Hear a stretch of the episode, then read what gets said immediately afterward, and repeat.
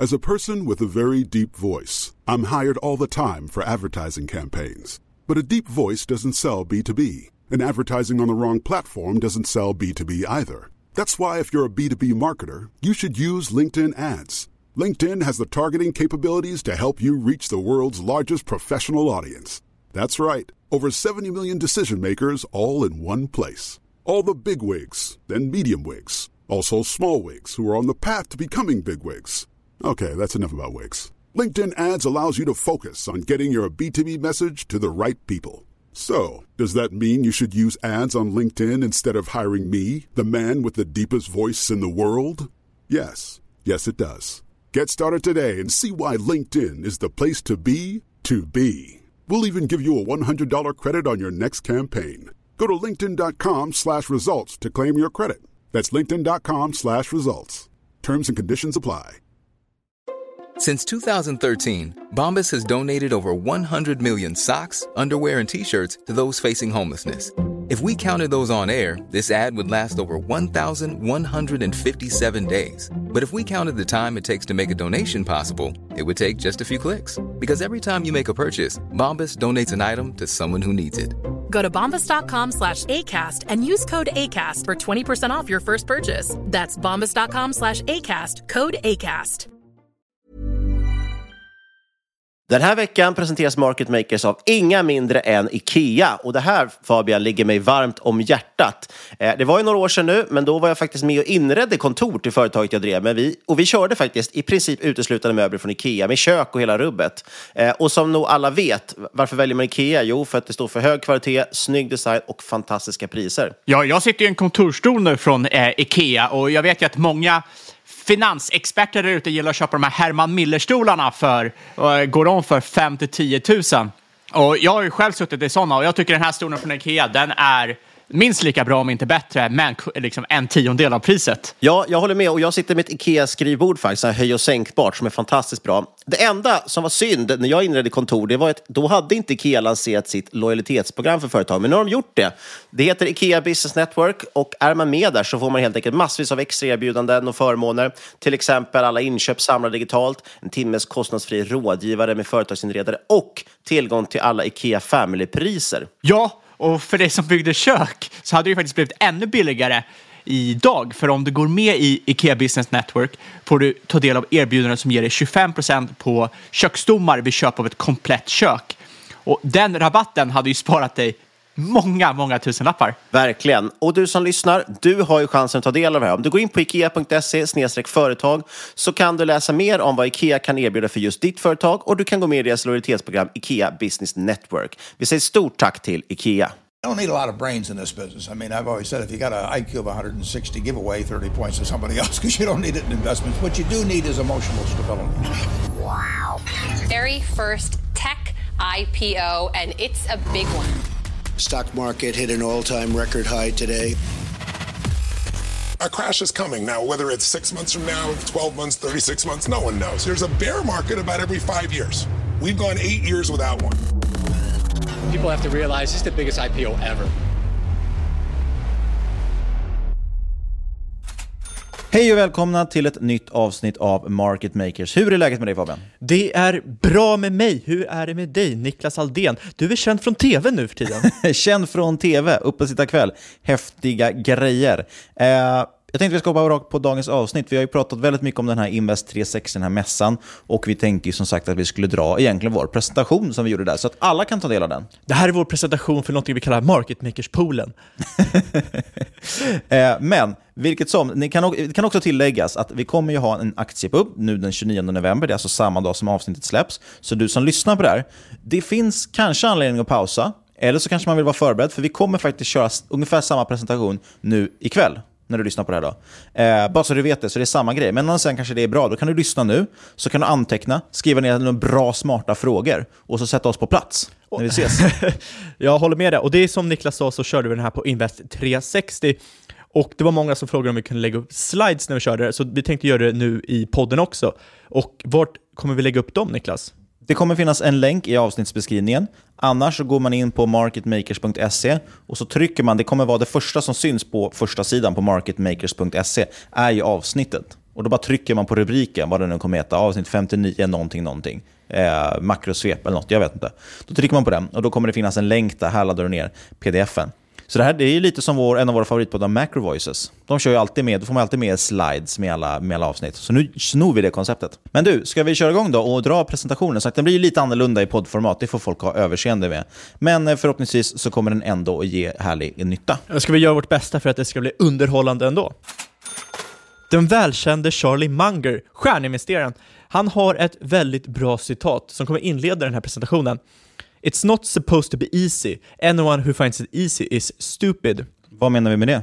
Jag kanske ska hoppa in lite vad eh, en annan känd investerare, Howard Marks, säger.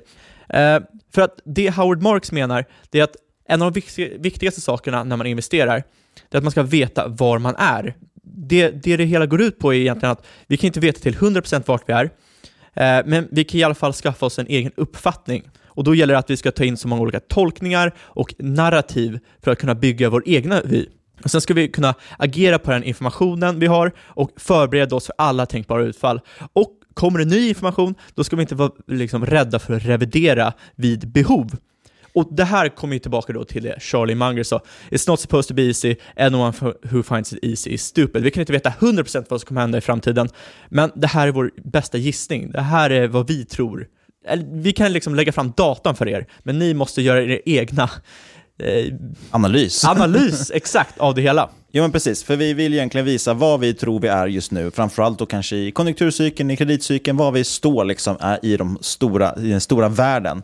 Och då börjar vi liksom vår resa med att titta på den svenska kronan och fråga sig varför den är så svag.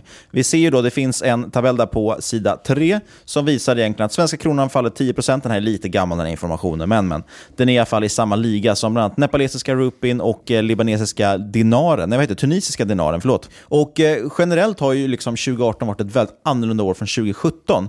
Eh, vi har haft Förra året hade vi extremt låg volatilitet. Det har vi inte haft i år. I år har det varit lite mer normalt om man tänker titta på ett historiskt snitt. Eh, det har inte alls varit lika självklart att allt ska upp. Vi hade dessutom 2018 hade, eller 2017 hade vi både cannabisbubblan, vi hade bitcoinbubblan, hela grejen. Och som sagt, i år har dessutom svenska kronan och egentligen det mesta annat fallit rejält mot amerikanska dollarn framförallt. Och då är frågan, varför vill man egentligen äga amerikanska dollar? Ja, och det är väl det vi ska gå in på lite nu. Och då hade vi tänkt dra ett snabbt, liksom lite nationalekonomiskt svep, lite grundutbildning. I Sverige har vi en ränta, 0,65% ish, inflation på 2,5%. Det här ger en realränta på minus 1,85%. Vad händer när det kostar att hålla cash? Jo, man är mer benägen att göra felinvesteringar. Och det här ska vi komma in på lite, lite längre fram, men snabbt ska vi snacka om USA och den amerikanska räntan. Ja, som sagt, frågan var varför vill man äga amerikanska dollarn? Jo, tittar vi deras tioåring istället, alltså räntan, den är 3,2% Inflationen ligger på 2,3% och det ger faktiskt en positiv realränta. Det betyder alltså att man, och man kan faktiskt tjäna pengar helt enkelt genom att hålla de riskfria räntorna som det heter. Och Frågan är vad som händer när man då får ränta egentligen på sina pengar utan att behöva ta massa risk i marknaden. Ja, man blir mer aktsam med sina investeringar. Den här TINA som ni kommer ihåg, there is no alternative, lämnar ju rummet så att säga.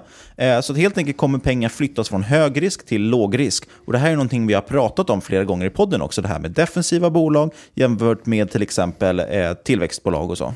Ja, för vi lever ju faktiskt i en värld av sjunkande räntor. De senaste 30 åren har det bara varit sjunkande räntor. Eh, det är ju väldigt få under 40 som jobbar i finansbranschen som liksom inte sett ett klimat då det varit eh, räntor som stigit. Och Det här har ju gett lägre avkastningskrav eh, och det har ju ökat risktagandet bland investerare. Anledningen har ju varit avsaknad inflation, eh, i alla fall om man frågar centralbankerna. Men centralbankerna Eh, de drivs ju av akademiker och eh, de här akademikerna de liksom tänks ju titta, titta mer på Excel-snurror än verkligheten. Ja, för vi som lever i verkligheten, vi vet ju att i princip allting har blivit dyrare. Antingen har det blivit dyrare, till kanske mest tydligt då i svenska bostadspriser. Det har vi en graf på på slide 7. De har nästan dubblats på drygt 10 år. Eh, vi har även sett det som kallas för shrinkflation, det vill säga att man tar samma pris för en förpackning fast man gör förpackningen mindre. Det finns en kille som heter Jeff Gundlach. Han har ett fint citat. “Now Canesian seems to mean you stimulate all the time” Och det är som vi säger, centralbanker de styrs av akademiker. Se bara Ingves svar om att det inte finns någon lägre teoretisk gräns för räntan och att de ännu inte har nyttjat alla sina resurser. Så Niklas, vad är problemet egentligen med att man konstant stimulerar ekonomin? Jo, enligt Lazy Hunt, som följer Bank for International Settlements, så har krediter tappat sin effekt på tillväxten. Och Det här är problemet. Det är jättefint med kredit när den faktiskt ger hävstång. Eh, tittar man för 50 år sedan, om man lånade en dollar då, då fick man ungefär 4 dollar tillbaka i tillväxt. Det är ju en rätt bra affär. Om jag skulle få fyra gånger pengarna, då skulle jag låna så mycket jag bara kunde. Eh, men 2017, då gav samma dollar i skuld bara 40 cent tillbaka i BNP-tillväxt och faktiskt ännu mindre om man går utanför USA. Eh, så det här är ju liksom ett, ett, ett extremt dålig deal helt enkelt. Du lånar pengar och du får mindre tillbaks.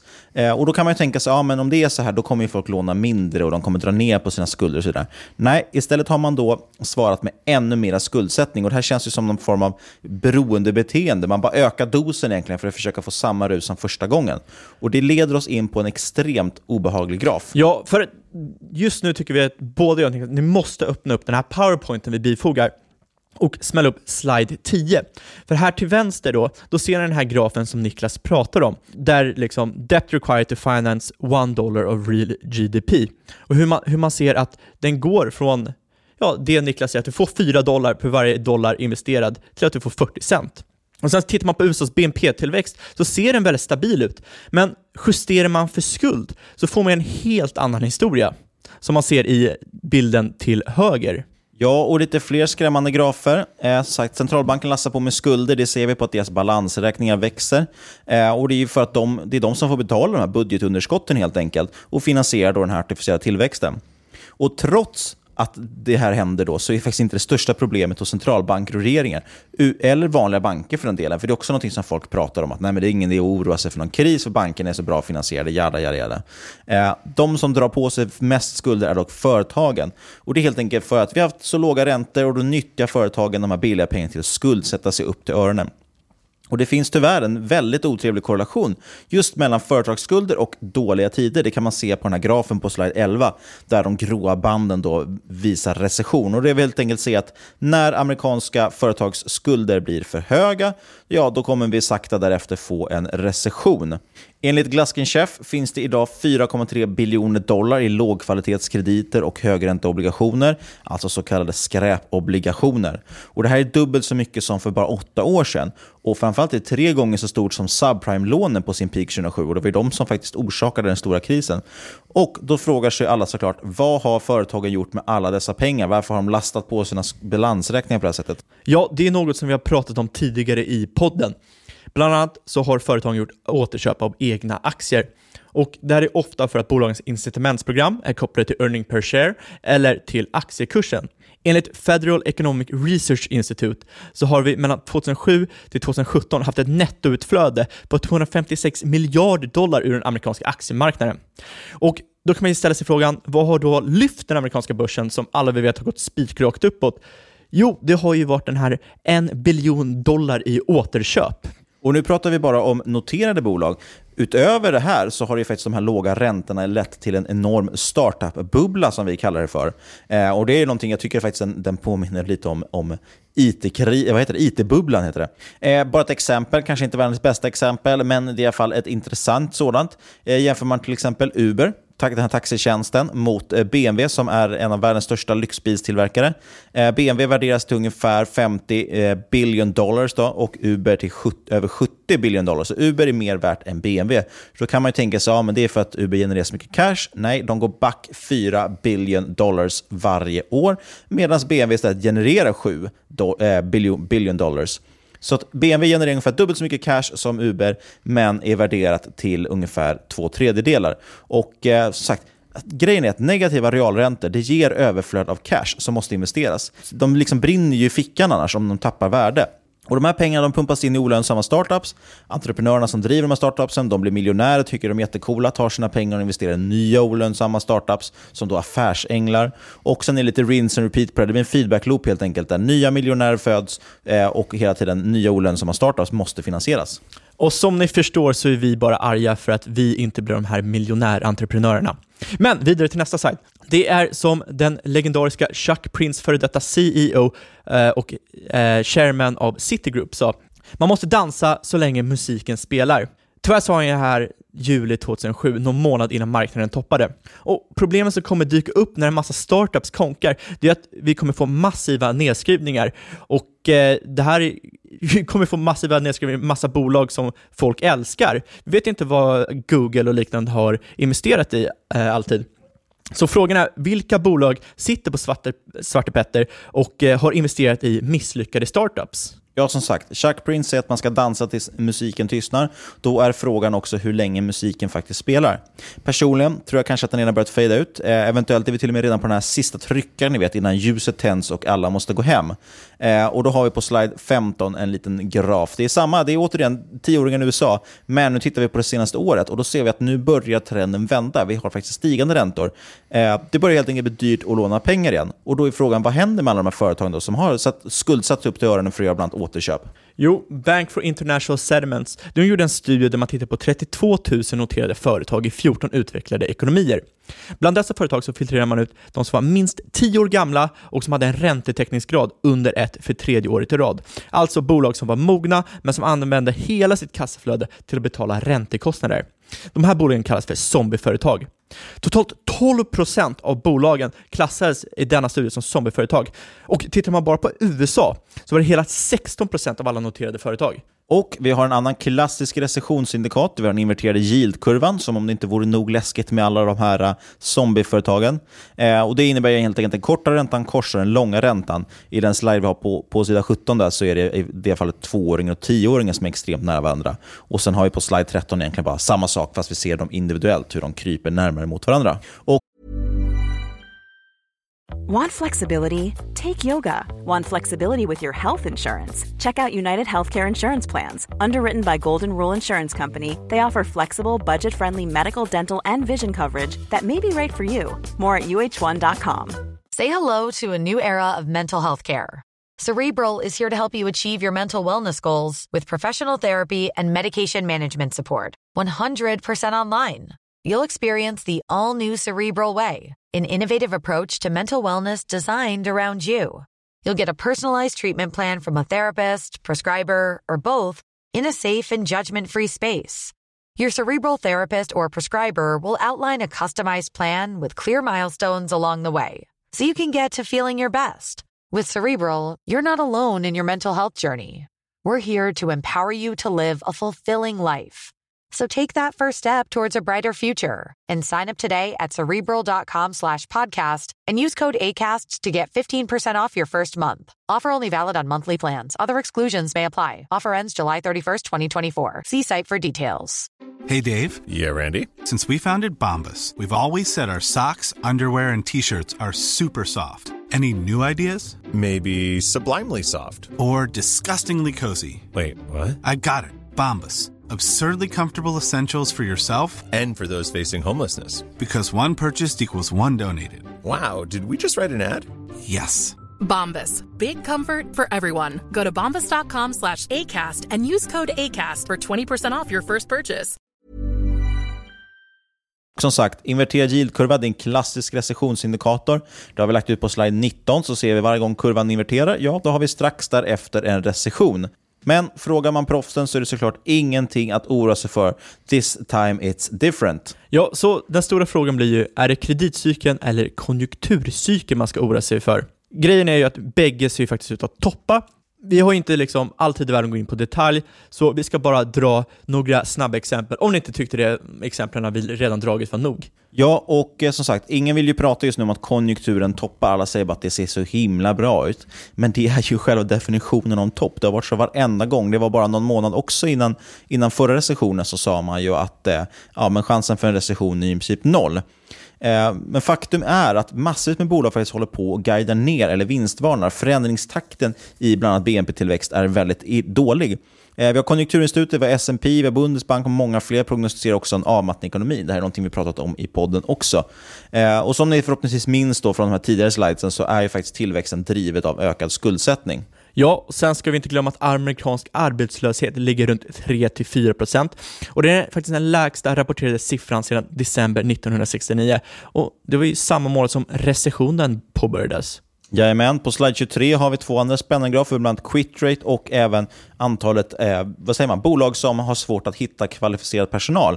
De är också på väldigt höga nivåer, quit rate till och med nära 20 års högsta, vilket kommer att sätta press på löneutvecklingen och något som driver på inflation och framförallt sänker bolagens marginaler, det vill säga sämre vinster och då blir det här framåtblickande P talet inte så himla smakligt längre.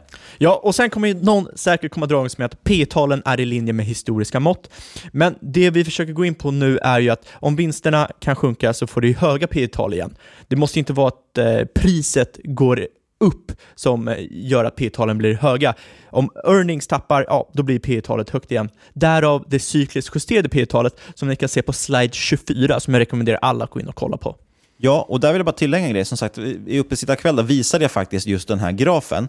Eh, det ska tilläggas, det finns ju något som kallas för chiller P. Det är ju det mest vanliga cykliskt justerade P-talet. Den ligger ju på något 35 eller 40 eller någonting. Den ligger väldigt högt. Det här, det är ju Hassmans justerade. Han justerar ju lite grann. Och anledningen till att man gör det är för att om man inverterar den här så får man helt enkelt en extremt hög korrelation mot framtida avkastning.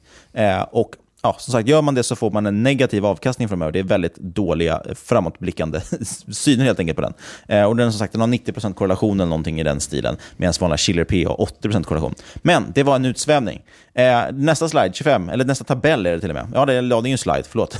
ja, helt enkelt det det beskriver är att som vi snackat om förut, en stor del av världens börser är i korrektionsterritorium. Precis, och det är bara en fin sammanställning på dem. Sen har vi en snygg bild på Ray Dalio. Och det är för att Ray Dalio har ju själv uttalat sig, nu han kom ut med sin bok om kreditcykler väldigt nyligen, eh, Big Debt Crisis, den kan vi rekommendera. Eh, och Ray Dalio som sagt, han tycker att det påminner just nu om slutet på 30-talet. Han tror vi är i slutet på kreditcykeln. Eh, och några grejer han nämner då som överensstämmer med slutet på 30-talet, det var ju ränta runt noll, tillgångar på toppvärderingar, wealth gap har ökat, alltså det vill säga skillnaden mellan de rikaste och de fattigaste. Och det är väldigt oroväckande för att varje gång det gapet så att säga ökas, då brukar man få populism och det ser vi också att det är på frammarsch. Eh, vi minns väl troligtvis, eller ja, vi var inte där, men de flesta har väl läst i alla fall om vad som hände på slutet av 30-talet och början på 40-talet. Det var inga roliga tider kan man säga. Ja, det finns ju en anledning varför Eric Townsend från Macro Voices, som vi är inspirerade av just nu, inte längre bor i USA. Så är det. Och det hänger också ihop med det sista som Ray Dalio pekar på. Det är helt enkelt att ja, men det politiska spelet är väldigt ansträngt på, på internationell nivå. Det är många nationer som håller på att eh, gruffas kanske och ta i underkant. Man kanske ska nämna att det är rekordhög risk för kärnvapenkrig. Det är inte många som tänker på. Nej, och det är inte många som tror precis. Den är faktiskt högre än under kalla kriget, risken för kärnvapenkrig. Det är som sagt inte så många som tror. Men, Men allt det jag sagt. För att påminna om det vi sa i början. Eh, ingen vet vad som kommer hända, så ta allt det vi säger med en gnutta salt. För vi vet inte vad som kommer hända imorgon. Eh, Trump och eh, Xi Jinping kanske blir buddy-buddies och eh, startar de förenta staterna av Kinamerika. Men David Rosenberg sa ett väldigt fint citat som jag tänkte läsa upp här. As is always the case at the peak of the cycle. Det vill säga nu. Vad sa du? Det vill säga nu. Ja. As is always the case at the peak of the cycle, everyone consider themselves to be brilliant enough to time the market and know when to start de-risking. Precis. Tror du att det är så, Niklas? Ja, så är det väl alltid. Folk tror alltid att vi ska kunna rida vågen ända hela vägen in i slutet. Och så skrattar man åt dem som är negativa för att man säger att haha, nu missar jag den här avkastningen, men oftast har ju de rätt i slutändan. Eh, så, men man har alltid fel på timing helt enkelt. Och Då vill jag helt enkelt fråga, vad har egentligen folk för förväntad avkastning framåt? Eh, det här känner ni säkert igen. Pratar med folk så säger de att ah, men börsen avkastar alltid 7-8% i snitt, en del säger till och med 10%. Anledningen till att man säger de här 10 procenten det är helt enkelt så, för det är det börsen historiskt har avkastat, den amerikanska börsen i alla fall. Problemet just nu är att förväntad avkastning framöver är negativ eller nära noll. Och hur vet vi det då?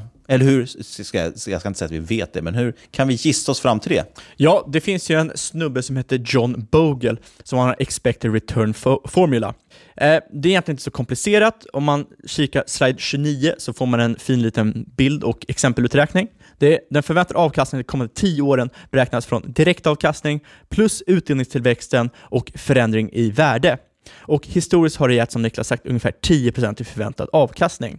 Stoppar vi in dagens direktavkastning, låt utdelningstillväxten följa de historiska snitten och sedan ta en värderingsförändring från eh, det här cykliskt justerade eh, P-talet, ja, då får vi väldigt nära noll i avkastning.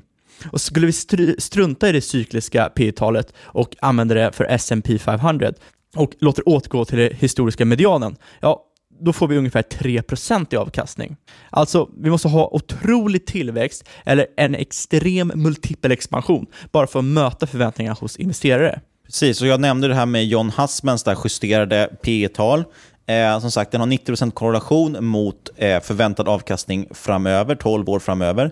Eh, och då ser man som sagt att den är negativ på slide 30. Använder man då istället Schiller PE, alltså det här lite mer vedertagna cykliskt justerade PE-talet, ja, då får man ju också väldigt låg avkastning. Så generellt framöver så, så skulle man gå all in helt enkelt på S&P 500 idag i en indexfond, då bör man förvänta sig nära noll en negativ avkastning. Lägg dessutom på då lite inflation som vi pratade om i början, då har du faktiskt nästan garanterat negativ årsavkastning framåt. Men vad fan ska man göra då? Aktiv förvaltning tror vi kommer bli allt viktigare än någonsin, speciellt efter, efter de här äh, tio åren då man har frontat passiv förvaltning. Men den stora frågan, hur är man aktiv? Vi tror ju att likviditet is king. Äh, eh, 2009 kunde man hitta fina bolag eh, citattecken fina bolag med direktavkastning på 4-6% och ensiffriga P tal Det är ju kvalitet så det skriker om det. Det tillfället kan komma igen och då har man ju hellre pengar på kontot än ett margin call. Sen är då frågan, då, bara för att komplicera lite, så är frågan om man ska ha dollar eller svenska kronor. Men det är en annan femma. Om man har svenska kronor kan man i alla fall aldrig tappa någonting förutom inflationen. Eh, det andra vi tror på det är det här med defensiva bolag som sagt. Defensiva bolag har vi pratat om förut i podden. Det är bolag som presterar även i sämre tider. Och Ett sätt att identifiera dem det är att se vilka bolag som har bibehållit lönsamhet och omsättning under tidigare recessioner. På slide 32 har vi en extremt eh, plottrig graf där vi visar hur de olika sektorerna har gått det senaste kvartalet. Eh, och Då ser vi bland de här klassiska sektorerna som är utilities och consumer staples. De har totalt kört över de andra sektorerna senaste kvartalet. Eh, I de här kategorierna, som sagt, det har vi återigen pratat om i podden, den som heter defensiva bolag. Jag kommer tyvärr inte ihåg, eller defensiva aktier. Jag kommer inte, tyvärr inte ihåg vilket avsnittsnummer, men det var inte så många veckor sedan. Var det inte eh, cykliska aktier? Cykliska bolag? Det har vi också pratat Nej, om. Nej, Krockkudde Deluxe heter det. Krockkudde Deluxe, så heter det. Tack. heter det avsnittet. Och eh, som sagt, där pratar vi om defensiva bolag. Där ser vi att vi hittar bolag exempel som är ofta utdelningshöjare, bolag med stabila kassaflöden och förhoppningsvis också låg skuldsättning. Det här är viktigt, för det är lätt att springa ut och köpa McDonalds eller någonting och tro att det är en consumer staple. Men måste också titta på balansräkningen. För det är ju rätt vanligt att man slänger med det här ordet kvalitet. Det vi vill säga är att du inte ska köpa något gammalt Alltså, det var säkert många som kallade GE för quality-bolag. Det är inte det vi menar. Vi vill ju ha kvalitet i balansräkningen. De ska inte vara så högt skuldsatta, de ska inte vara så leveraged. Um, och så det visar sig liksom att har du ett bolag som har till exempel låg beta, lägre volatilitet än börsen, då är det rätt bra om du vill äga aktier. Och som Niklas säger, healthcare, consumer staples, eh, ritar som vi snackade om här, om, svinbra. Och det betyder att man ska undvika det som jag och Niklas älskar, techbolag. Eh, Energibolag ska du ju inte hålla heller. Eh, industribolag. Alla de här äh, momentum, högbeta tillväxtbolagen helt enkelt. Exakt, och vi pratade ibland i, bara för två avsnitt sedan pratade vi om cykliska bolag och det är också typiska saker man ska undvika. I alla fall just nu, de kommer ju komma köplägen på dem sen också. Den tredje grejen vi tycker att man kan äga, det är ju guld. Och det är helt enkelt för att guld är en form av säkerhet. Eh, och man pratar ju som sagt om att en invändning är att guld inte avkastar någonting och absolut, den ger inga utdelningar. Men när realräntan är negativ, det är det som är intressant, då är ju faktiskt guld relativt så avkastar den bättre än eh, att hålla cash i alla fall.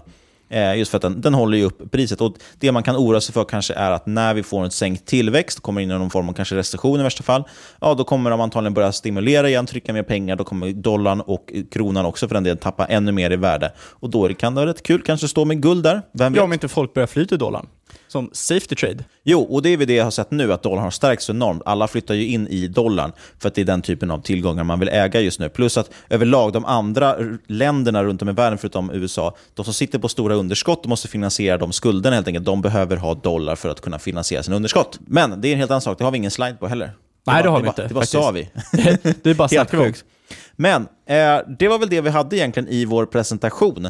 Eh, som sagt, gå in på, titta i avsnittsbeskrivningen så har du en liten länk där, eller så går du bara in på marketmakers.se, trycker på avsnittsnamnet, det kommer ligga där på första sidan. Eh, lyssnar du på det här om typ 20 veckor säger vi. Då är det här alltså avsnitt 59. Så kan du bläddra dig fram till det och så kan du trycka på den och så kan du trycka på länken. Det kommer vara supertydligt. Och då får man en schysst pdf med alla grafer och grejer. Och sen kan man eh, ringa till oss.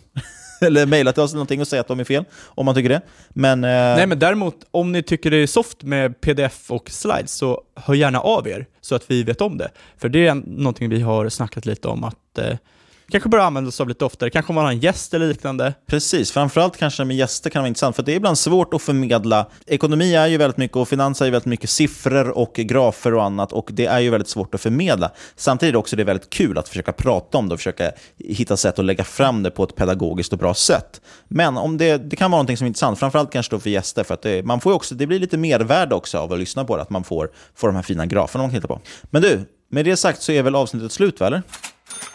Som vanligt, inget du har hört i denna podcast ska ses som rådgivning. Alla åsikter är våra egna eller vår gäst och eventuella sponsorer tar inget ansvar för det som sägs i podden. Tänk på att alla investeringar är förknippade med risk och sker under eget ansvar.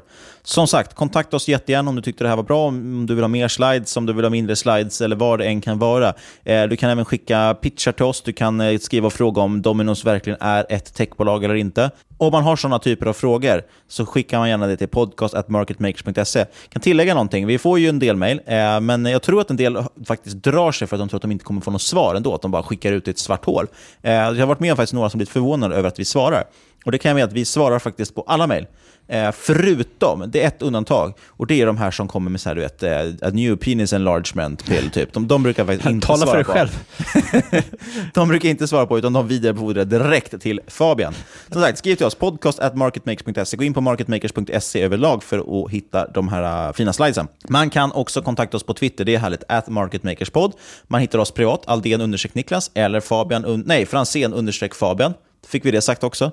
Eh, och sen får ni jätte, jätte, jättegärna lämna en recension på iTunes. Det börjar dyka upp lite poddar här och var, så det kan vara kul om folk går in och recenserar oss. Då hamnar vi högre upp i rankingen, så visar vi att eh, vi är Sveriges bästa finanspodd. Hybris, hybris! Men sist, men absolut inte minst, tack för att du har lyssnat kära lyssnare. Vi hörs igen om en vecka. Saknar er redan. Och ni som kommer på Aktiepub ikväll, vi ses snart. Tja!